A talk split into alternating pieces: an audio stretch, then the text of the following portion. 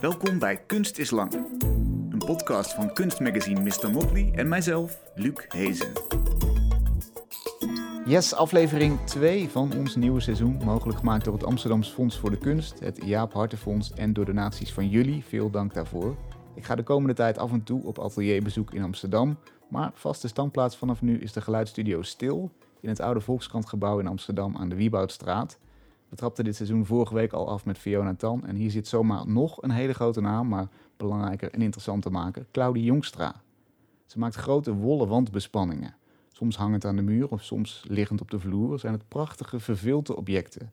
Ze bestaan uit verschillende lagen wol in veel verschillende kleurschakeringen, zoals een abstract schilderij eigenlijk ook. Maar ze bestaan ook uit verschillende soorten materiaal. Wol van het Drentse heideschaap, mohair, zijde bijvoorbeeld, variërend van grote plukken tot een fijne afwerking van heel klein, subtiel borduursel. Claudie is ook een zelfverklaard wild weaver en heeft een eigen boerderij die dient als een productiewerkplaats met meerdere assistentes. De wol van een nabijgelegen kudde Drentse heideschapen wordt zelf verwerkt en geverfd met kleurstoffen uit planten of bijvoorbeeld notenschalen of uienschillen. Behalve kunstenaar noemt Claudie zichzelf ook activist. Een belangrijk deel van het werk is het terughalen van vergeten ambachtelijke kennis over bijvoorbeeld het kleuren van wol met plantaardige materialen of het fijne handwerk dat hoge kwaliteit wol oplevert. Claudie, welkom. Leuk dat je er bent. Ja, dank je. Ik vind het ook leuk om hier te zijn. Je had onlangs een tentoonstelling in de Laakhal in Leiden en daar las ik dat je jezelf Wild Weaver noemt. Goeie term vond ik dat. Wat is het precies? Ja, het is eigenlijk, ik ben niet opgeleid tot wever. Dus ik, uh, uh, ja, ik zou bijna willen zeggen, ik doe maar wat. Oh, maar weven heeft natuurlijk wel um, uh, echt een, ja, topwevers hebben natuurlijk, werken volgens bepaalde handleidingen en voorschriften. En er zijn toch best wel vaststaande contouren. Maar als ik gefascineerd ben door iets, dat kan dus ook het weven zijn, dan pak ik, zo begon ik met een kartonnetje, knipte gewoon aan de boven- en onderkant wat in, inkepingen en ik spande mijn eerste ehm, draad en ik ging, ehm, ik begon te weven.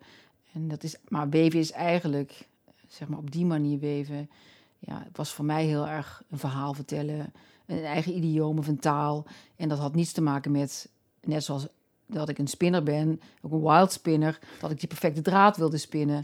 Maar ik vond het juist heel mooi om eigenlijk naar de eigenheid van eh, het materiaal te kijken. Maar ook wat doet het met je als je uh, zo'n handloom uh, tot je beschikking hebt. Wat roept het bij je op? Een handloom, wat is dat? Een, een ja, een, een, um, een um, ja, het gereedschap waarop je weeft. Ja. En ja, daarna ging ik me heel erg verdiepen in weven ook. En uh, ik had ook een, uh, die prachtige tentoonstelling van Annie Elbers gezien in de Tate. Uh, echt de Bauhauswevers. En dan kom je uit bij werelden die ik, ja, die vond ik zo fascinerend. Dus ik had wel ehm, ja, altijd een fascinatie ook voor weven, omdat het zo'n oervorm is waarin mensen zich uitdrukken. Dus je kunt echt letterlijk, net zoals in voedsel, kun je in het weven zien, ja, bijna de culturele identiteit.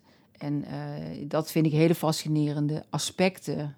Naast dat het weven prachtig is om te doen, mm. vind ik dat die stempels vind ik echt dat vind ik heel bijzonder. Laten we het daar eens over hebben, inderdaad. Misschien even eerst ja, het, het werkproces, hoe, hoe, een werk tot stand komt. Want uh, je hebt een boerderij in Friesland, is spannend.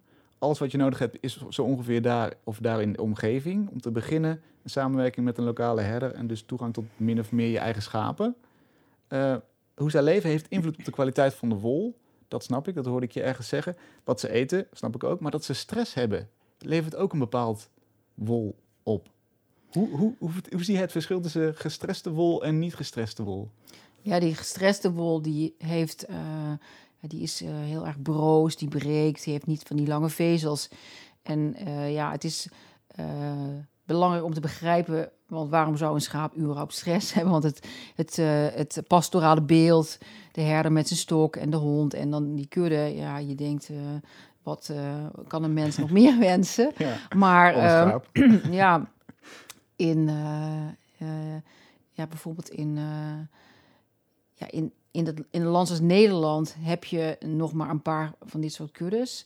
En doordat ons natuurlandschap zo onder druk staat, uh, hebben de kuddes eigenlijk weinig uh, plek om te grazen. Een schaap verteert per jaar 1 hectare. Dus als je een kudde van 250 hebt, dan is het 250 hectare. Dat is best wel veel. Mm. En in een druk, ja, vol, vol Nederland is dat wel echt best moeilijk om een kudde te hebben die eigenlijk jaar rond trekkend, want zo zag ons Europees landschap er eeuwig geleden uit. De kudde trok rond en zo'n heel mooi horizontaal beeld. En die ging van uh, de ene naar de andere plek. Dat kan niet meer. Dus als je een, uh, natuur, uh, als je een natuurkudde hebt, zoals, zoals de kudde waar wij mee werken, dan is het eigenlijk heel belangrijk om ja, letterlijk een natuurlandschap te hebben waar in ieder geval geen mensen komen. Mhm. Maar ook dat je het gevoel hebt dat je niet per hectare hoeft te grazen. Want de commerciële graaskuddes, die moeten eigenlijk opgejaagd en wel, uh, moeten ze heel veel, zeg maar, uh, uh, letterlijk verteren. Want dat is, dat is het opbrengstmodel. En ah, dat betekent ook dat ze van A naar B vaak transporten, op transport moeten. Nou ja, dat is, een, dat is de hoogste stressfactor ever. En dat zie je dus terug in de, in de kwaliteit van de wol. Het zijn dus geen kuddes die worden gehouden voor vleesproductie, mhm. maar puur voor natuurbeheer. En dan heb je eigenlijk nog, zou je kunnen zeggen, als cadeautje krijg je erbij elk jaar de prachtige vachten. Maar ja, wat is er nu aan de hand? Uh, de vachten die uh, ons eeuwenlang warm hebben gehouden. We hebben er zelfs tenten van gebouwd. Um, ja, we zijn helemaal vergeten dat wol zo subliem is. Doordat er nu zoveel um, gedoe is met transporten, hoge transportkosten, vooral naar Azië. Waar daar ging de wol altijd naartoe. Uh, voor, daar werd ze verwerkt. We mhm. hebben daar in Nederland geen verwerkingsindustrie voor. Wat jammer is, want je kunt die wol prachtig ook in uh, isolatie, uh, natuurlijk akoestische verbeteringen. Maar dat, dat, dat hebben we uitbesteed. Dus we zitten in Nederland nu met anderhalf miljoen ton wol in onze, in, ja, in, in, in, in onze handen. Wat doen we ermee? En het scheren van een schaap kost 4 euro en de opbrengst van een vacht is 15 eurocent. Dus het is, en je moet ze in ieder geval uit hun hitte moet je ze toch een beetje verlossen. Uh, verlossen. Dus ze moeten geschoren worden. En uh, als er geen afzet is voor die, uh, voor die wol, ja, dan wordt die vernietigd, in de fik gestoken, verbrand, weggedaan. Ja, dat is dus echt een beeld nu wat zich de laatste jaren heeft laten zien, waar je echt nou ja, best wel slapeloze nachten van krijgt. Ja, maar je hebt je eigen privékudde, om, om het zo maar te zeggen. En dan maak je, de, dat is fantastische kwaliteit. Maak je je dan nog druk om wat er verder verbrand wordt of zo? Ja, je, toen ik dat... Ik werd, wij worden natuurlijk helemaal gek gebeld in, uh, in uh, mei, juni al. Er, beginnen, de, komen al de eerste bellers. Ik heb nog heel veel wol. Heb je nog wat nodig? Oh ja. Maar goed, ik ben natuurlijk een, een uh, wij zijn een kunstenaarsatelier. En we kunnen eigenlijk... ja, we zijn geen fabriek. Dus ik, wat ik verwerk per jaar, dat gaat dan soort van net op. Want het is, ik maak nog steeds die kunstwerken zelf. Ik heb natuurlijk mijn team die voorbereidt, maar ik kan natuurlijk alleen maar. Ik heb 365 dagen in een jaar. Dus ik kan geen industrie leveren. En toen ik dat hoorde, toen dacht ik, oh ja, zouden we dan niet kunnen denken aan hoe kunnen we dat, uh, die, die hele wolverwerking naar industrie vertalen? En uh, ja, daar ben ik anderhalf jaar geleden begonnen met een idee van, nou ja, kunnen we niet ons, nieuwe, ons uh, eigen tijdse laken terugbrengen? Een wollen stof van Nederlandse schapen, geweven in Nederland. En dan hebben we eigenlijk een, ja, een circulair product. Hmm. Geen enkele, je zou zeggen, er is geen enkele uh, grote voetafdruk naar het buitenland. Uh, zelfs nog met planten gekleurd. Dus ook nog goed voor, voor boer en landschap. En ook voor de stad, als je wil vergroenen. En de temperatuur daar een beetje naar beneden wil crashen. Um, nou, niets bleek, bleek moeilijker dan dat. Er is namelijk niemand geïnteresseerd in zo'n lab. Dus we hebben in Nederland een weverij in Twente. Ja. Meneer Terkuilen heeft een prachtige weverij, de laatste der Mohikanen over in Nederland. Dus geef, zullen we meneer Terkuilen business geven, die, die wil niets liever dan dat. Maar het bleek dus heel moeilijk om afzet te vinden. De enige schakel die we niet in huis hebben in Nederland is de spinnerij. Dat is uitbesteed. Uh, landen om ons heen. Niet veel. Het is echt uh, eigenlijk uh, nog een handjevol. Denemarken, Duitsland, Ierland, België geloof ik ook. Hm. Maar je moet een uh, gemiddeld wacht je negen maanden op een draad. Dus komt die draad terug en je denkt, oh die draad is best wel dik. Ik liever een dunnere draad. Ja, dan kan het niet, want dan moet je nog een keer een jaar wachten. Dus die draad is wel een, de spindraad, dus industrieel gesponnen draad, is wel echt een essentiële schakel. Nou ja, inmiddels ben ik anderhalf jaar verder en er zijn nu wat mensen die hebben gezegd, nou, dat is de, idioot voor woorden. Die draad moet er komen, we moeten die spinnerij weer eh, starten. Je zou zeggen, ligt er misschien een overheidsverantwoordelijkheid voor ons nationale erfgoed, het nieuwe laken met A-E-C-K-E-N. Oh, Zou ik zeggen, te gek. Want dat is waar we echt uh, goed in waren in Nederland uh, sinds de 17e eeuw. Maar um, ja, er moet dan wel uh, bijvoorbeeld een, een mode-industrie of een interieurindustrie uh, zijn die zeggen: Nou ja, dit is natuurlijk een prachtig product, laten we dat gaan doen. En dat bleek heel lastig. Ook de verwaarding van uh, zo'n wollen stof. wat is de prijs bijvoorbeeld? Daar, gaat, daar kom je dan altijd op uit. Maar ja, dat is het verkeerde gesprek, denk ik. Want je kan niet zeggen: die, die prijs zou niet mogen concurreren met een met een andere wollen stof. Want in die vierkante meter zitten misschien wel uh, plantensoorten die er nog zijn door de wollen stof.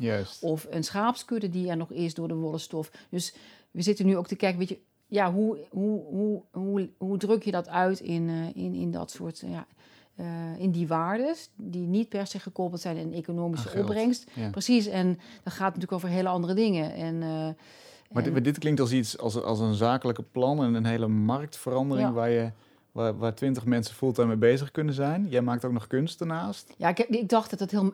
Ik, toen ik aan begon, dacht ik, dacht ik... Ik dacht, morgen staat een modebedrijf op die zegt... Nou, dit is, dit is, dit is waar we met z'n allen naartoe... Dit is die transitie. Ja. Die hele infrastructuur ligt klaar. Behalve die spinnerij, maar die is ook niet zo duur. Dus als, een, als nu iemand opstaat die zegt, nou ja, doen we maar een spinstraatje, dan hebben we hem gewoon. Dus het is niet. Uh, er zijn duurdere transities, kan ik je vertellen. Die spinstraat kost basis 250.000 euro. Dat is gewoon ook weer niet veel geld. Nee, nee, dat is niet veel geld. Voordat je in hele. Ja, in de wereld is er. Volgens mij is er niet in de wereld zo'n wollen stof die helemaal uh, die, die, die, die, al die processen in die, in die, in die keten, dat die zo lokaal is, maar die, dat die ook gaat over ja, niet alleen maar ecologie, maar ook over, uh, ja, als je ziet de mensen die straks in de tuinen werken, social justice, de tuin in Zuidoost die we nu hebben, gaat over heel veel andere zaken ook. Ja. En ik dacht echt, nou, de eerste beste grote figuur die belt mij op en zegt: dit, gaan we gewoon doen. En het is dus niet gelukt. En omdat het vooral nog om geld draait, eigenlijk? Omdat het, het gesprek op een niveau plaatsvindt waar het niet zou moeten plaatsvinden. Dat het gaat over uh, toch, uh, je krijgt toch uh, het, het oude model. wat gaat over concurrentiebeding. Mm. Maar het zou nu moeten gaan over met, met z'n allen de mond van vol hebben over kansen die er liggen om, om iets te maken wat ja, ook mensen, die, andere makers zou kunnen inspireren om, om op, op, op industriële schaal, want het gaat ook een beetje over impact, uh, toch die verandering kan genereren. Het is een antwoord op de landbouw. Het is echt een antwoord op de, de, crisis in de landbouw. Eén van de antwoorden, uh, durf ik wel te zeggen. Want het levert de boeren straks letterlijk uh, profit op. En het levert ze ehm, diversificatie op in teelt. Doordat ehm, er uh, nu ook heel veel uh, ja, klimaatextremen zijn. Heb je, uh, dat hebben we nu gezien met de, de oogsten van de, van de wijnboeren, maar ook het fruit. Heel mhm. veel misoogsten. En als boeren ook alternatief oogsten hebben, dan ben je, is het niet zo kwetsbaar. Dus het zijn gewoon ook ja, modellen waarop boeren zeg maar, eigenlijk ook minder kwetsbaar kunnen zijn doordat ze andere teelten hebben die ook geld opbrengen. Want het gaat natuurlijk altijd natuurlijk over geld. Het moet ook er moet ook voor betaald worden. Ja. En, uh, tot, tot zover de, de, de activistische zakelijke kant, zou ik mhm. bijna zeggen. Want die is inderdaad ook een groot onderdeel van je praktijk. Maar we gaan terug naar de kunst. Ehm, hoe, hoe, hoe, zie jij de balans tussen activisme en, en kunst? Ja, het verschilt heel erg. Als ik, uh, um, als ik mijn energie een tijd lang hieraan gegeven heb, dan is het andere... Um, want ja, dan is het andere, zeg maar, uh, wat ja, uh, minder aan de oppervlakte. Ik wil niet zeggen dat ik ben altijd maak ik kunst. Maar om dingen, nieuwe dingen op te starten, dat, dat kost veel energie. En uh, om echt je tanden erin te zetten en door te gaan en echt stakeholders te vinden. Ja, het, het, het, uh, het begint nu de goede kant op te gaan. Dus ik kon ook niet loslaten voordat ik dacht, het gaat niet lukken. Ik geef dus ook niet op. Ja. Maar ik, ik, als ik denk, het duurt tien jaar, dan, dan stop ik ermee. Maar op een gegeven moment is er zo'n goede impuls gekomen de afgelopen maanden. Dat ik dacht, oh ja, we gaan volgens mij nu afbuigen naar de goede kant. Ehm, en dat heeft dan voorrang op, op die kunst? Nou ja... Andere ehm, focus, stel ik me zo voor. Uh, het was ook corona en uh, ik had ineens heel veel tijd, want ik heb, uh, ik heb vanaf vorig jaar februari heb, heb, ik niet meer gereisd. Dus ik had ook ineens heel veel tijd. En, en die tijd, die, ja, die heb ik toen heel veel is er gegaan naar dit project. En ja, mijn opdrachtgever zaten ineens niet meer in Amerika. En dat ging er heel anders uitzien. En toen kwam er inderdaad een prachtige galerie langs Fontana uit Amsterdam. En die had ineens uh, dichtbij uh, uh, commissiewerken. En dus het heeft mij ook heel veel gebracht, heel dichtbij. Dus het was een combinatie van factoren, waardoor ik heel veel tijd heb kunnen besteden aan, aan mijn activisme. En ondertussen ook nog veel werkplaatstijd had voor de kunstwerken. Want ik had heel veel tijd, de laatste jaren heb ik geïnvesteerd inderdaad in het verre land de, de droom over zee. De Amerikaanse droom, ja, is ja, daar waren de opdrachtgevers die uh, uh, niet alleen maar Gouden Bergen beloofden, maar ook Gouden Bergen konden waarmaken. En uh, die zeiden, familie X, ik heb een prachtig gebouw en wat je doet vinden we belangrijk. dus hier is de opdracht. En dat ging, ja, dat ging ja, vanuit een soort van zelfsprekendheid, de, echt de omarming van wat ik deed, heb ik daar heel erg kunnen, uh, kunnen ervaren. Hmm. En daarom ben ik daar ook, uh, heb ik daar heel veel uh, gewerkt. Een van die mooie werken is een, een recente in een museum in San Diego. Ja. Heb je net geïnstalleerd, of onlangs, 11 ja. meter lang. Het is een, een schitterend, ja, schitterende wandbespanning, alsof je in een soort van late schemering een donkere pool inkijkt. Ja. Donkerblauw, paars, groene tinten, gele details maar vooral Bourgondisch zwart. Een bijna verloren kleur eigenlijk. Die heb jij samen met wetenschappers teruggehaald. Hoe, hoe is dat gelopen? Kun je dat kort vertellen? Ja, ik, dan, dan, ik, ik las een heel mooi... Uh, dit was echt al, ik denk, uh, eh, 2019 of misschien wel 2018... las ik een uh, artikel van een, van een professor, Sven Dupré... uit Utrecht. En die beschreef eigenlijk processen van maken, handwerk, handarbeid... En de manier waarop hij dat beschreef, dacht ik, ja, het is dat, hij beschrijft gewoon hoe ik werk. En ik had dat nog nooit erg zo op die manier uh, uh, zo sterk ervaren. Dus ik heb hem een e-mail gestuurd uh, om een um, verzoek tot kennismaking. Want ik was ontzettend. Ik vond het heel mooi dat hij. ja, schrijven is fijn, taal geeft ook duidelijkheid. En wat ik doe, het beeld is, is uh, voor heel veel mensen is dat duidelijk en uh, spreekt het tot de verbeelding. Maar als je dan ook nog daar een soort van onderligging hebt in, in, in een historische referentie geplaatst, of uh, als iemand die handprocessen beschrijft en ook ja, dat kan plaatsen in een, in een wat grotere context, ja, is dat ook heel fijn om, om, om me daarin in, toe te verhouden. Dus ik heb hem uitgenodigd en bleken we, uh, bleken we gewoon echt een goede connectie te hebben. En uh, ja, Sven heeft meteen uh, de koe bij de hoorns gevat en heeft vrij snel daarna ook een, is met een klas studenten gekomen, wetenschappers.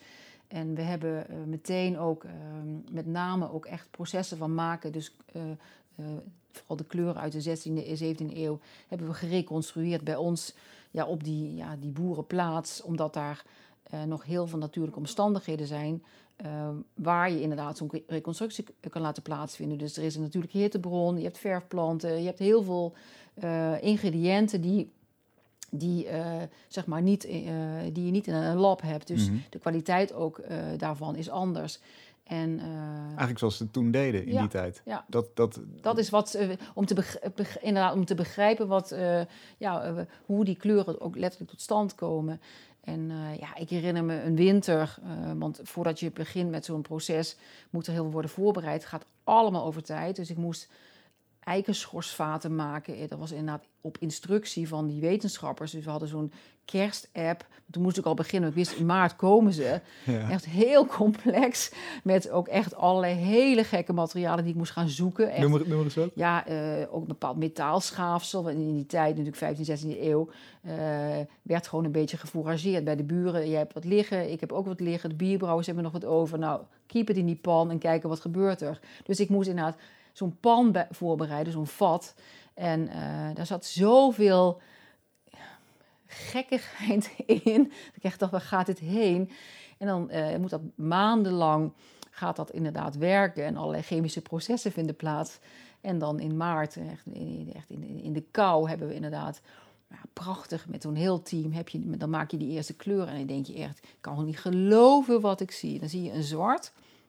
Ja, je kijkt letterlijk in, uh, in de duisternis, maar het is, het is warm, het is, het is rijk, het is vitaal, het is gelaagd. Je ziet ja, ja, de sterrenhemel, maar dan in een stof. En als je zegt, ik maak die kleur, dan dan gaat, dan gaat de wol in die grote kookpan, waar, waar dus gekke ijzers in zitten, waar planten in zitten. Noem nog eens een paar ingrediënten. Wat kiep je erin? Uh, zemelen zaten erin. Uh, er zat uh, as uit een hout over. De, zaten dus vooral ook dat je ziet hoe zo'n samenleving in, in die vroegere tijd ook. Je ziet het gewoon echt, als je een beetje fantasie hebt, zie je inderdaad de, de bakkers naast de bierbrouwers, naast de metaalwerkers. Je ziet, ja, dat is natuurlijk een ziet al die, die, die, die ambachtslieden hun vak uitoefenen. En dan heb je zo'n uh, zo'n alchemist die daar uh, na vijf uur een beetje rondloopt. En ja, want afval is kostbaar, alles gebruikt. En uh, ja, dat onder bepaalde omstandigheden ook wordt dan inderdaad. Ja, daar worden, er zijn natuurlijk heel veel verschillende recepturen, ook uit uh, Engeland en Frankrijk. is veel, veel bewaard gebleven, ook goed opgeschreven en gearticuleerd. En dat, dat, dat, dat moet dan heel precies worden nagebootst. Dus wij doen het altijd toch een beetje op.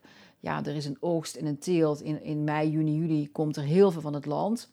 En dan beginnen we vanuit vol enthousiasme maar ik heb, vind de precisie van de wetenschap ook echt prachtig. De, het exacte en het heel goed uh, proberen te begrijpen hoe zo'n recept is opgebouwd. Werken met tijdseenheden. Men praat niet over een klokje van 15 minuten. Nee, drie maal één pater noster. Nou ja, dat is natuurlijk... Oh ja. je waant je in een wereld... Een katholiek gebed is dat, hè? Ja. Is, het duurt ongeveer 11 minuten? minuten? ja. Oh ja, dat weet je inmiddels. Maar blijkt ook inderdaad in, uh, in Brazilië een, een tijdseenheid te zijn... Uh, wat gebruikt wordt bij het koken. En dus je komt ja, je komt in een wereld terecht die, die, zo uh, wonderschoon ook is. Uh, ja, want je voelt je er wel in thuis, denk ik dan. Ik vind het echt zo mooi. En uh, omdat ook het resultaat is ook, het gaat echt voorbij een, een verwachting. Je, je, je, ziet dingen die je echt nog nooit gezien hebt. In ieder geval, ik heb, ik heb dat nog nooit gezien. Hmm. Ja. En het gaat volgens mij heel erg over, nou ja, sowieso je, je, hebt een recept, die is je dan in dit geval door de wetenschap een, beetje aangereikt. Maar dan zit er natuurlijk nog kennis in je handen van, van het doen, aanvoelen wat, wat goed werkt en wat niet. Dat is ervaring. Tegelijkertijd moet je allerlei planten ook op een goede manier behandelen. Ja, zeker. Stel ik me zo voor. Ja, absoluut. Alles heeft invloed. Ja. Elke kwaliteit of gebiedseigenheid heeft invloed. De bodem. We gingen, we waren uh, met één recept, waren we echt een soort van bijna. En uh, toen uh, vroeg een van die wetenschappers: hebben jullie ook een verse make wortel? Ja, die hebben wij toevallig. Want wat je vaak dan gebruikt is ook, zeker bij uh, ja, pigmenten die schaars zijn, dan koop je het bijvoorbeeld in en is het gedroogd. Dus je weet er ook niet waar het vandaan komt. Maar wij hebben dus inderdaad verse make wortel. En als je hem koopt, dan zit, wordt hij ook fijn schoongemaakt en je krijgt tot een keurig gechopte wortel. Maar als je hem dus vers gebruikt, zit daar dus ook nog aarde aan, die wortel, met mineralen. En dan zie je dus ook, ook die mineralen hebben dus ook impact op die kleurintensiteit. En uh, dus dat zwart was echt, nou, eh, dat was echt, dat was de haute couture van, van de Black. En sta je dan uh, te juichen boven zo'n ketel? Ja, iedereen wordt echt, je denkt echt met z'n allen, ongelooflijk. Kijk, het gebeurt. Ja. ja. Maar ook je, je zintuigelijke ervaring, want je had op een gegeven moment ook uh, heb je de dirty dyers, die doen dan een beetje de, de snelle versie, veel metaal erin en dan hup, weet je wel, snel effect. En, uh, maar dat tast dan ook de kwaliteit van de wol aan. En dat voel je dan ook. Het is een beetje uh, ja, hakerig. Of nou ja, de wetenschappers hebben daar ook hele mooie woorden voor om te beschrijven hoe die tactiele, die sensorische tactiele beschrijvingen. Dus je kan zoveel leren, ook met taal, hoe dingen, ja, hoe dingen beschreven worden. En ja, voor mij zijn er wel werelden open gegaan. Hmm. En ja, het is een proces super interessant. En ja, ik, ik vind het ook ja, heel bijzonder om, om op die manier ook ja, je kennis ook niet alleen te kunnen doorgeven, nu, wat wij nu dan doen, doen ook aan studenten, maar ook te verrijken. Het is altijd leren. Het is altijd lerend werken. En dan met, met een heel, heel eigen idioom. En het is er weer inderdaad. Het is ook het herstellen van kennis, want het recept is er nu weer. het is herstellen van kennis. Dat is wel een mooi trouwens, ja. Je, je, je had het over mineralen, dan moet ik meteen aan wijn denken. Het, het, voelt inderdaad als, als je het hebt over terroir, welke grond zit eronder. helemaal. Uh, en, en bij wijn uh, zijn we er allemaal verliefd op en, en zit allemaal helemaal, uh, iedereen vindt het geweldig. Bij wol is dat minder zo, denk ik. Bij, hè? bij plantenkleuren hebben we, een, hebben onze interesse daarin verloren. Terwijl als je ja, ooit een prachtige indigo gezien hebt, of, een, of nou ja, de, de gobelins, die vergeet je nooit weer. En ik, ik vind het ook heel curieus dat we, dat we ja, dat we het gewoon eigenlijk niet op de kaart zetten. Terwijl inderdaad voor een fles wijn uit een bepaalde streek met een bepaalde uh, wijnhuis, daar uh, dat is niets te dol om daar inderdaad ook geld aan uit te geven. Maar voor een plantenkleur, ja, daar draait niemand zich voor om in, in, in, in zijn nachtrust. dus het, is, het heeft mij ook zeer verwonderd. Ja. Maar eigenlijk zouden we een soort van proefinstructie moeten hebben voor mhm. wol. Want voor mhm. wijn heb je dat natuurlijk. Ik bedoel, eerst ruiken, walsen, slokje, slurpen. Ja. Uh, dat, dat draagt allemaal bij aan die beleving. Zou je mhm. zoiets voor wol kunnen ontwikkelen? Een soort wolproeven? Ja, uh, of uh, ja, oefeningen in de waarneming natuurlijk kan je doen. Ja. Ik bedoel, als je zet maar eens een, een, een, een, make, een met make-up gekleurd textiel naast een ik noem het maar een synthetisch geverfd doek, ja, dan, dan weet je wel echt wel wat je, wat, je, wat je ziet. Maar goed, is er, ja, dus je moet ook een beetje een podium creëren daarvoor. Uh, dus daarom heb ik ook altijd erg uh, gepleit voor mijn werk, niet alleen maar residentieel en bij particulieren thuis, maar vooral in die gebouwen waar heel veel mensen komen met een verhaal, dat mensen meeneemt en het bewust, het gaat altijd over dat bewustzijn. Dat mensen vaak denken, ja, ik weet niet wat ik zie en we krijgen zoveel mails van mensen ik heb je werk gezien, maar ik wist gewoon, ik kon het niet duiden. Zeker werken die bijvoorbeeld hoog geplaatst. mensen denken dat het misschien wel een, een, een, wandschildering is of een fresco, maar eh, dat het textiel is. Ja, dat, dat überhaupt textiel in gebouwen, dat is natuurlijk iets wat we helemaal niet meer uh, vanzelfsprekend om ons heen hebben. Hmm. Terwijl je, ja, de, de Engelsen wel bijvoorbeeld, die textiel, dat is uh, de hele art and crafts beweging natuurlijk. Uh, is daar ook uh, heel actief geweest. Uh, de Omega-workshops, echt niet tegen industrialisatie, maar wel tegen het verliezen van ambacht. Omdat ambachtelijke processen, ja, die, die geven nog steeds de ruimte voor, ik heb het ooit gelezen, voor improvisatie. En dat vind ik zo mooi. Voor een fout of voor een uit, dat je uitschiet met je aan het steenhouden bent. Of, want dat mag ook. En dat maakt het juist echt super bijzonder en prachtig. En we accepteren het wel uh, inderdaad in de wereld van de chefs. Ja. En uh, nou, met voedsel. En ook natuurlijk een beetje in de haute couture. De dure tasjes en uh, schoenen van Balenciaga. Daar betalen we ook veel voor. Maar ja, met, met dit soort... Ja, het is, het is ook een, ja, denk ik ook een culturele afwezigheid in Nederland om daar aandacht... hoe, hoe is dat op te lossen? Heb je daar een idee over? Ik denk de overheid moet het op de kaart zetten. Oh ja. Keihard op de kaart. In onderwijs. Dus we zijn zelf maar begonnen, een paar jaar geleden. Ik dacht, nou, dan gaan we ons eigen onderwijs maar eens maken. Ons, uh, ons eigen holistisch onderwijs. Ik heb er ook niet echt een goed woord voor. We gaan nu een school beginnen in oktober.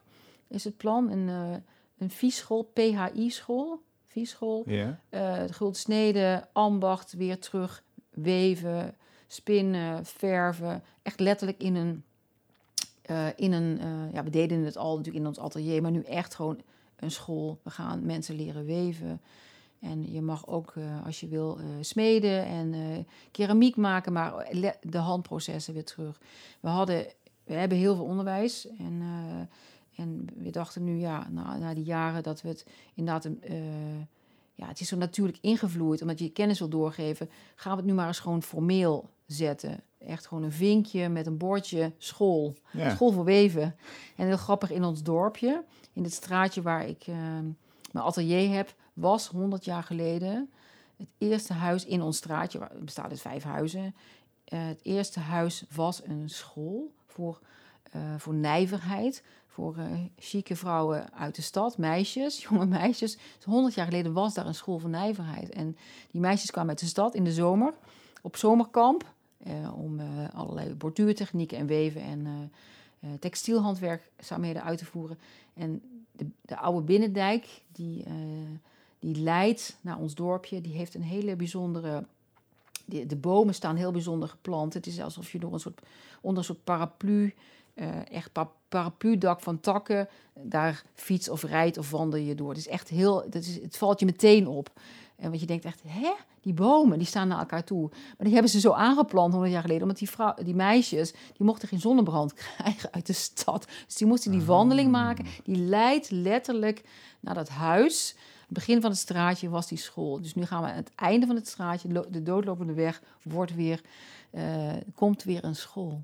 Wat mooi, want als je jezelf ziet als die alchemist die al die dingetjes bij elkaar scharrelt en, en inderdaad in een ketel kiepert, mhm. dan is dat natuurlijk mijlenver verwijderd van, laten we zeggen, uh, Utrecht Centraal, waar, waar mhm. meisjes fast fashion kopen, in de Starbucks zitten, alles uh, geglobaliseerd wereldwijd is. Denk je nooit, die wereld is helemaal gek geworden daarbuiten? Ik heb tien jaar inderdaad prachtig in Amsterdam een atelier gehad en dat vond ik ook heel fijn. Alleen voor wat ik doe, uh, leidt de stad te veel af. En uh, wat wij nu steeds horen als mensen die ons bezoeken, is inderdaad, ja, je gaat meteen in de vertraging. De processen van maken, die, die, die dwingen je in de vertraging. Als je die schapen ziet, nou ja, je, je gaat gewoon zitten kijken, je gaat zitten mijmeren. En uh, ja, de mijmertijd, die, um, die, die kennen we helemaal niet meer. Terwijl in, in, in, in, in, in, in Oosterse samenlevingen is het, was het heel belangrijk om met je meester te wandelen en te mijmeren. Want dan kreeg je inzichten en hmm. uh, daar werden grote gedachten gedeeld. Uh, en, en dan krijg je een soort bewegelijkheid ook in, uh, in, in de dingen die je te doen staan. En, Wat betekent dat, bewegelijkheid in de dingen die je te doen staan? Ja, dat je niet... dat je voelt dat je, dat je inderdaad ja, dat je bewegelijk bent, dat je, je dat je baan, uh, je baan is en je, je bewegelijkheid zit in de baan, maar er is natuurlijk ook nog een baan, een leven voor en na. Of mensen zeggen bij ons wel eens, het voelt niet als werken. Het, hmm. voelt, het is gewoon het leven en je beweegt. Van, in de ochtend heb je een andere energie dan in de middag. Dus je beweegt in de bewegelijkheid van het ene naar het ander. Je bent heel vroeg, s ochtends ben je bij ons een boer. Dan wordt het hout gestookt. Dan heb je andere dingen te doen. En in de middag zijn er andere processen. Dus het is een hele natuurlijke ja, uh, dynamiek van de dag. Ja. Die uh, heel erg gekoppeld is aan de maakprocessen ook. In plaats van neerploffen achter je scherm en, en om zes uur opstaan en in de auto naar huis. Je zou kunnen zeggen, dit is het moment voor zo'n omslag. Met de klimaatcrisis. Zeker. Met, met, met, met, ja, dat, dat begint nu echt op de agenda te komen. Ja. heb je het idee dat, dat dit nu voor jou meer energie gaat vragen dan, dan het maken van mooie dingen? Of? Ja, wat wel leuk is, is dat de, de, eh, de, de nieuwe generatie, of de generatie twintigers, die snappen dat helemaal. En uh, dus er is nu een klankbord, dat, dat matcht meteen. Uh, met, uh, met alle jonge mensen die bij ons komen, nieuwe stagiaires, maar ook nieuwe medewerkers. Je hoeft ze niks uit te leggen. Die, die gaan meteen mee in die flow. Die snappen het meteen. Dus um, die tijdgeest die is heel erg urgent bij mij. Maar die, die, die, die eh, heeft een enorme, vindt een enorme aansluiting. Dus ik heb een goede achterban. Ik heb goede. Ik heb goede. Ik heb een goede. Uh, ik ben niet een roepende in de woestijn hmm. meer. Hmm. En uh, dus er is enorm veel support. Ja. Dat, dat, is, dat is echt fantastisch. Ja, en dan nu de politie en de bestuurders nog ja, dus uh, uh, ja, ik, ik vind het ook belangrijk om, ja, waar, waar, waar, waar wil je werken? Waar wil je dat je werk hangt? Waar wil je dat je inderdaad energie in stopt? Ja, waar je voelt dat, er ook, wat het ook energie, genereert. En ja, op een of andere manier is nu toch wel een groot vliegwiel. En zijn er ook wel mensen inderdaad die willen meewerken aan die transitie. En dat zijn ook vooral ook ja, de, de stedenbouwkundigen die die met een open vizier ook naar andere modellen en vormen aan het kijken zijn. En doordat wat wij doen heel erg, ja, het is heel erg ingevlochten en het bestrijkt zoveel gebieden, zou je bijna kunnen zeggen dat textiel is het gereedschap voor de verandering. Want uh, het sluit, als je ziet wat wij, wat voor onderwijs uh, aansluiting wij hebben met zorg, vragen letterlijk uit de zorg. En die, heb ik niet paraat liggen, die, die, die, moeten wij gewoon maken ook. Maar je kunt op zoveel manieren kun je inderdaad verbinden. En dat is een gereedschap wat dus heel goed verbindend werkt. En er zijn vast ook heel veel andere voorbeelden nog, maar dit is wat ik ken. En ik merk gewoon dat het een enorme uh, sterke verbindende factor is. Ja. Is dat iets wat je had, had kunnen vermoeden voordat je uh, die, die eerste werken zag, voordat je als Wild Weaver zeg maar, begon? Absoluut. Ik had helemaal geen plan. Ik dacht, uh, ik ben altijd van het ene naar, naar het andere gegaan. Maar ik heb altijd wel een open oor en open oog gehad voor de wereld en nieuwsgierigheid. En ik heb altijd wel heel erg een gevoeligheid gehad voor nou ja, onrecht. En dan moet ik echt, als je dan kijkt naar, naar, naar uh, waar wij zitten, die, die grote productievelden. En nu gaan al die boeren gaan die gaan al die, die panelen daarop, uh, of die, die windmolens. En dan moet je, moet je blij zijn, want er is dan gratis energie. En ik krijg echt, wij worden echt helemaal gewoon gek. Wij gaan echt huilen als we dit zien. En ik ben niet tegen, maar ik vind het wel echt dat we ons niet realiseren dat we misschien toch minder, misschien minder kunnen doen. En minder betekent dan misschien toch ja, iets meer wormen in de grond. En uh, weet je, dat het gewoon minder is ook meer. en uh, kunnen we straks nog echt heel erg, uh, ja, is er nog wel, kunnen we nog wel kwaliteitsvoedsel produceren met die uitgeputte grond? Mm. Ja, daar maak ik me wel ernstig zorgen over. Of is het nu alleen maar elitair, farm to table? Ja, dat wordt het wel. Ja. En uh, dat gun je natuurlijk ook niemand. Uh, en uh, ja, het gaat niet alleen maar over voedsel, maar het gaat natuurlijk ook over verschaling in algehele zin. kunst, onderwijs, in het curriculum is natuurlijk ook over, het al, eh, over de grote linie weggekiept en afgeschaft. Wat zo belangrijk is, dat anders denken, dat nieuwe denken, of dat flexibele denken, of dat, dat bewegelijke denken. Ja, ja ik, ik, vind het heel belangrijk dat we, um, Floris Alkmaar zei het ook, dat, we, dat de kunst inderdaad weer een geluid wordt waar we ja, dat we niet heel hard moeten roepen, want we zijn er nog. Maar dat het gewoon eigenlijk een natuurlijke aanwezigheid heeft in onze samenleving. Want dat is denk ik wel echt wat er gebeurd is de afgelopen uh, nou ja, anderhalve decennia, decennia. Dat het gewoon eigenlijk niet meer zo goed meedoet. Nee, maar, maar, maar hoe, hoe krijgen we daar dan een kentering in? Ja, dat is een hele goede vraag. Ik heb niet op alles een antwoord.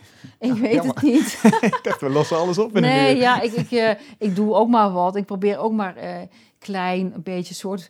Ja, ik durf bijna niet te zeggen, een beetje een soort missiewerk. Mm. Ja, en dan hoop je dat uh, mensen ook betoverd raken en zeggen... ik ga het ook doen en dan ga ik het ook doen. En um, ja, je kan toch alleen maar klein en dat het een beetje uitdijt. En ja, je hoopt op een gegeven moment ook een keer ja, dat iemand die wat meer invloed heeft en die zegt: Ik geef je nu een enorme zwieper aan en we gaan nu maar eens een beetje opschalen.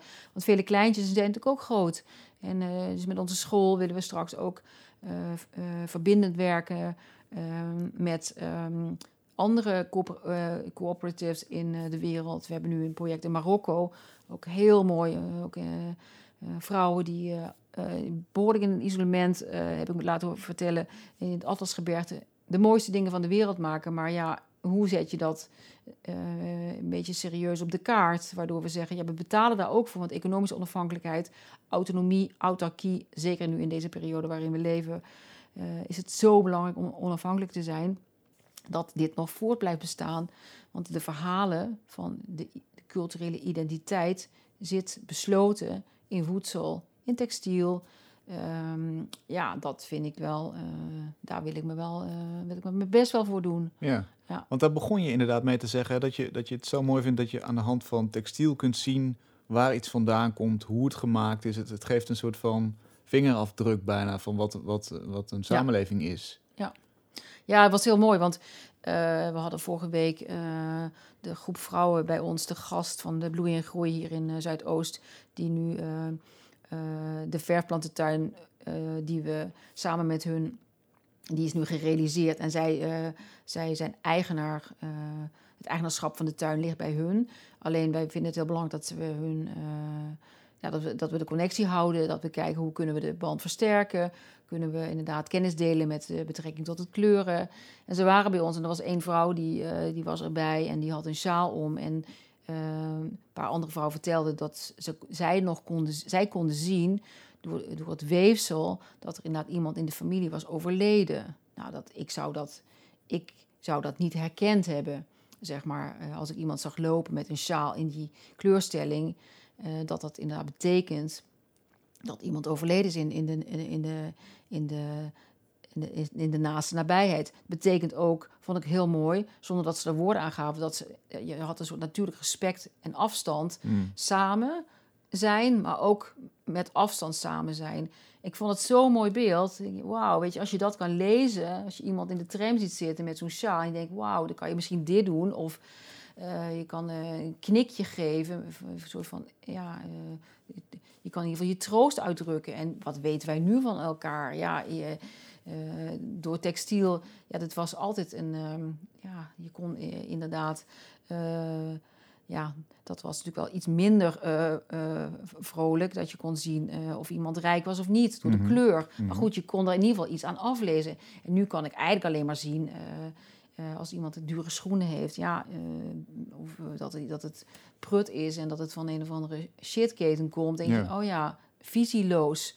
Met mijn oordeel natuurlijk meteen erop geplakt. Dan denk ik echt, oh, wat erg, weer zo eentje. Ja. Als ik iemand zie met een wollen truitje, denk ik, wauw. Als ik iemand zie met een trui die bijvoorbeeld gerepareerd is, is dat is natuurlijk helemaal cool nu, dat, dat mooi, dat repareren, dat herstellen wat je al benoemde. Dat zit toch, dat is toch een afdruk. En dat vind ik zo mooi in textiel. Het is toch een afdruk. Dat, is, dat zegt heel veel over degene die die trui draagt, waarom die dat dus doet. Ja. Terwijl het natuurlijk best wel een rol speelt wat je aan hebt. Want bijvoorbeeld eh, tieners zijn daar heel goed in natuurlijk. Je Mhm. Precies lezen.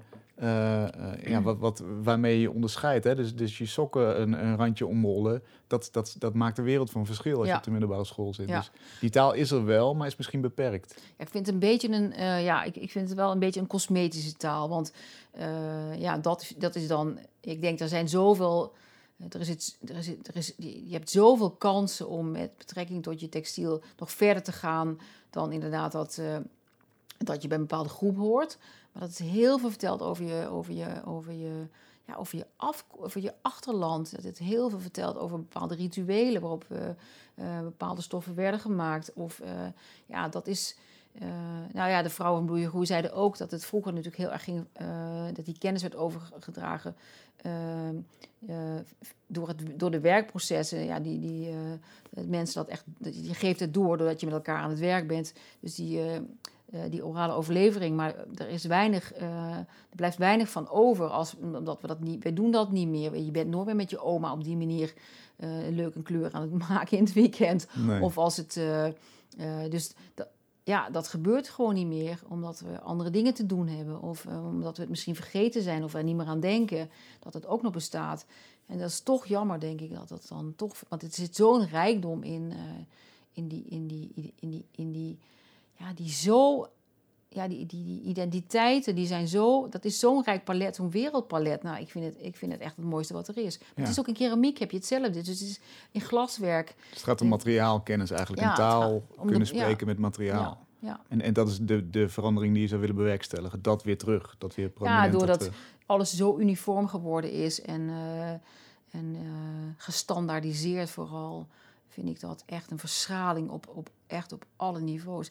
Wij hebben zelf in huis bijvoorbeeld hebben we eh lemen muren en die zijn dan, eh, we wilden heel graag dan ook dat die, dat die gestuukt werden. En dat je echt eh, expliciet gevraagd, niet glad, maar de spatels van de maker. Dus je ziet daar een handschrift van iemand en daar zie je dus een ander. En elke dag denk ik, wauw, ik zie die man voor me, ik weet wie hij is. En elke dag denk ik, wat die man kan, echt. Dat je denkt, ja, dat is iets wat je, wat je dus raakt. En dat kan je ook met een keramieke potje hebben, of het maakt me niet uit wat. Maar iets wat, wat identiteitsloos is, ja, dat, ik hoef het niet. Ja. Ik hoef het gewoon niet. Hoe zit dat met je beeldend werk? Moet dat, ehm, mag dat alleen mooi gevonden worden? Is of, of ben je dan mislukt als maker? Want ik hoor je zo eh, gepassioneerd dit Nou, betoog houden. Ja, eh, ik heb, eh, ik dacht, eh ehm, eh, was er of 2015 of zo, echt best wel een tijd geleden, dacht ik, wat gebeurt er als ik een werk maak zonder dat daar een ehm, opdrachtgever eh, aan verbonden is? Ik maak een vrij werk. Ik heb geen flauw idee waar dat werk naartoe gaat, wie het gaat zien. Ik ga gewoon dat werk maken. Wel een plan geschreven. Het, werd, het heeft zich doorontwikkeld. Nou ja, misschien is het ook belangrijk om eh, iets meer te doen dan het werk alleen te maken.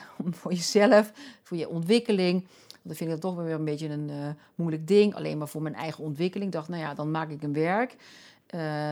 Dat het zou mooi zijn als het een soort van arena wordt.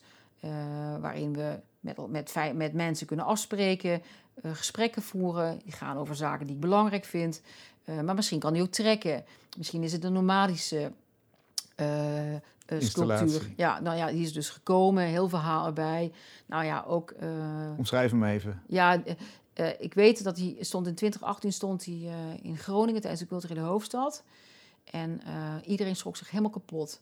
En want mensen vonden het, een, het zijn dus allemaal, het zijn 60 elementen. Die kun je in verschillende constellaties kan je hem opbouwen. Soms is het een lint, soms is het een spiraal, soms is het een cirkel. Het ligt aan de plek waar die staat. En um, het zijn dus eigenlijk Ehm, ja, beschrijvend. Het zijn doeken uh, en ze zijn in, uh, in make-up gekleurd in contrast met naturelle ehm, ja, delen. Maar mensen hebben het heel erg geassocieerd. Ze zien een beetje uit het huiden. Met een abattoir, een slachthuis. Dus ik krijg meteen gigantische veel reacties. En uh, inderdaad niet het aha en oh, wat mooi. Maar echt zo van, nou ja, ik weet het niet. Dit is echt zo heftig. Uh, mensen konden ook helemaal niet reageren. Ik dacht ook echt, is dit een totale misser? Heb ik iets niet ja, begrepen? Want ik, daar werd eigenlijk niet op geresoneerd, behalve schokkend. Ja. Maar toen dacht ik, ja, is dat dan erg? En Misschien juist beter. Precies, want het is niet de bedoeling dat we met z'n allen achteroverleunen en denken... nou, we hebben weer zo'n bolle werk van mevrouw Jongstra. Kunnen we lekker gewoon uh, ons in de ogen wrijven en uh, tranen biggelen over de wangen. Ik had gewoon, ik wou dat niet. Ik wou dat we gewoon op het puntje van de stoel en ons dingen gingen afvragen. Wat gaan we doen met de wereld, met, van mens tot mens? Uh, houden we nog een beetje van dingen maken of zeggen we keep it overboord? Ja, dan ging het, gaat altijd over die dingen. En... Um, Gelukkig ging hij daarna naar Italië, naar Palermo, uh, naar Manifesta. En daar was het een heel ander verhaal. De Italianen hadden het, we love it. We snappen helemaal wat je doet. Um, super mooi programma gedraaid, ook daar uh, met uh, ja, jongens die letterlijk de oversteek hadden gemaakt, uit de bootjes waren gevallen, met één sok aan wal waren geklommen, niemand hadden en die gingen spinnen met ons en ze maakten van het spinnenwiel een muziekinstrument. Dus je denkt echt, wat?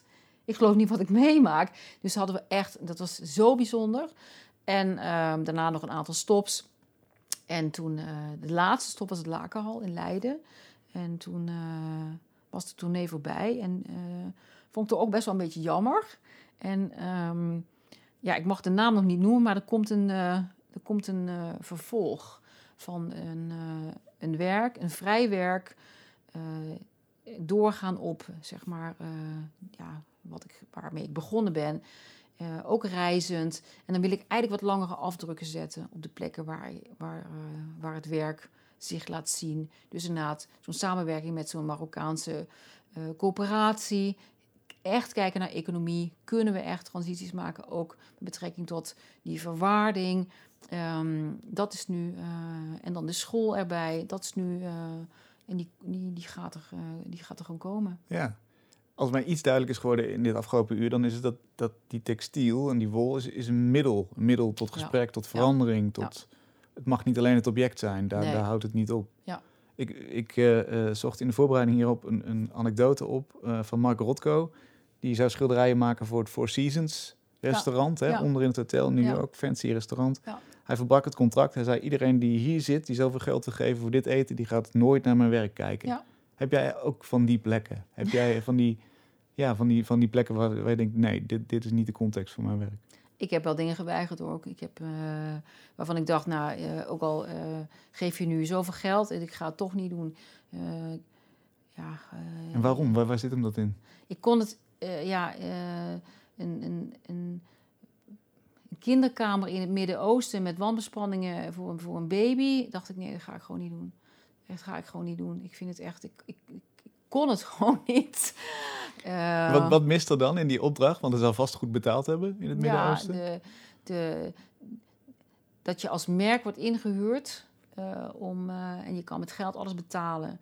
En dat je, ik, ik had ook liever een klein dekentje willen, willen maken voor die baby. Dat had ik graag gewild. Maar niet een, een, een, een, een, een decoratiewerk voor, zo'n, voor zoiets decadent. Dacht ik, ja, doe ik gewoon niet. Mm. En niet heel vaak gebeurd. Wel een paar keer van dit soort dingen had ik dacht, nee, dat, dit is de lijn. Hier zeg ik nee tegen. Ja, en het gaat dan om het, om het accepteren van alles wat erachter zit, denk ik. De waarden die eronder liggen. Als die niet gerespecteerd worden. Ja, en als ik ook voel, bijvoorbeeld uh, in de, als ik een concert maak voor een opdrachtgever... en uh, dat is vrij in het begin, dan voel je al... je voelt al generositeit in, uh, in hoe dat ontvangen wordt. En als iemand... ik heb ook wel eens gehad inderdaad, ja, dat je dan ja, dat mensen gewoon helemaal.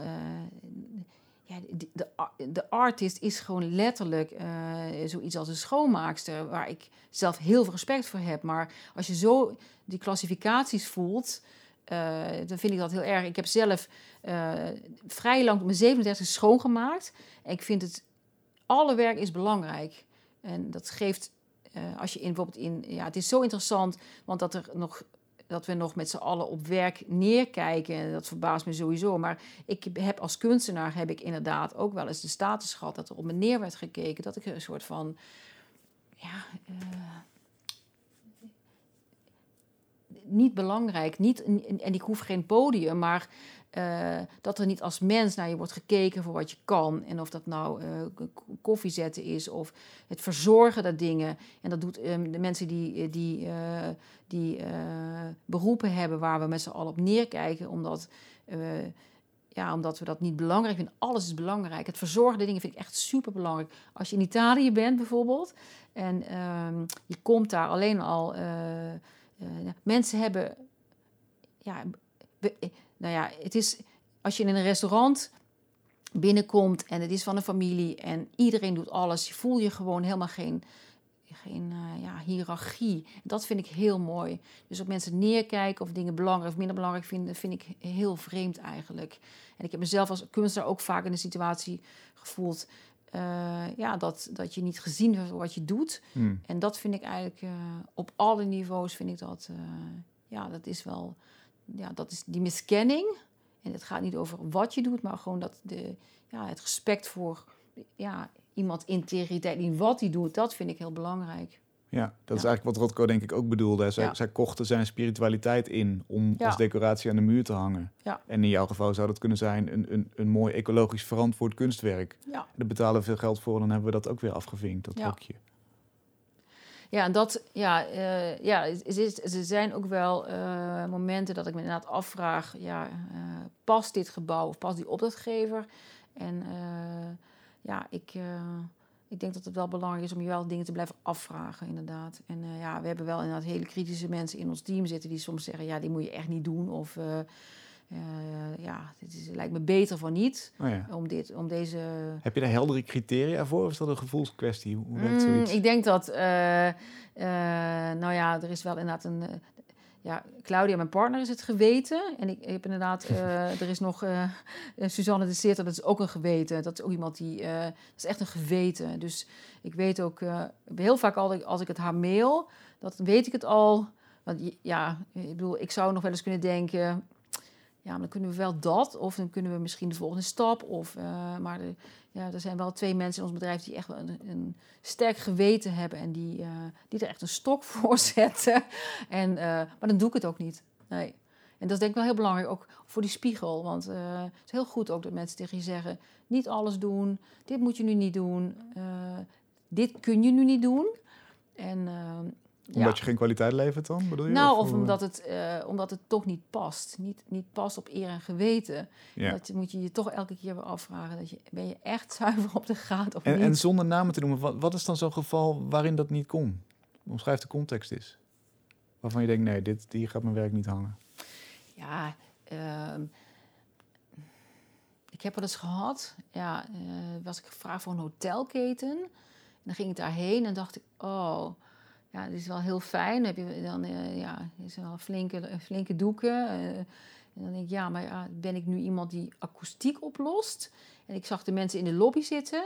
dacht ik, nee, die gaan dit helemaal niet snappen. En dan vond ik het echt toch te erg voor, voor, voor de arbeid en voor alles wat erin zit. Ik dacht, jezus man, ik vind gewoon... Ja, dan heb ik, zijn wel van die huilmomenten geweest in de auto terug. Dat ik denk, shit, ja, ik vind het heel erg dat ik hiervoor gevraagd ben ook.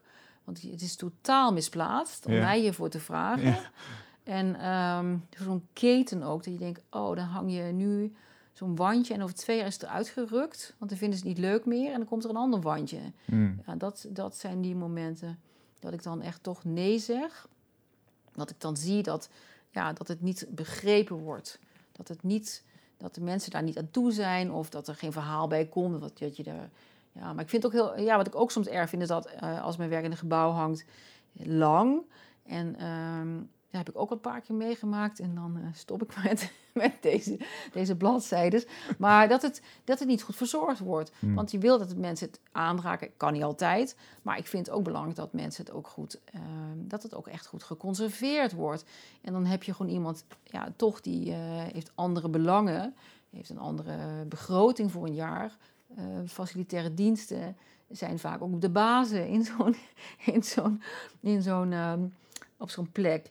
En dan eh, denk je echt, als je komt, jeetje man, ik gewoon echt, nou, dat is wel erg. Dus, dus dan eh, hoop je ook dat mensen ook, ja, die appreciatie, dat het ook voor de lange termijn blijft. En dat zijn ook wel mensen die denken, shit, vind ik toch wel erg.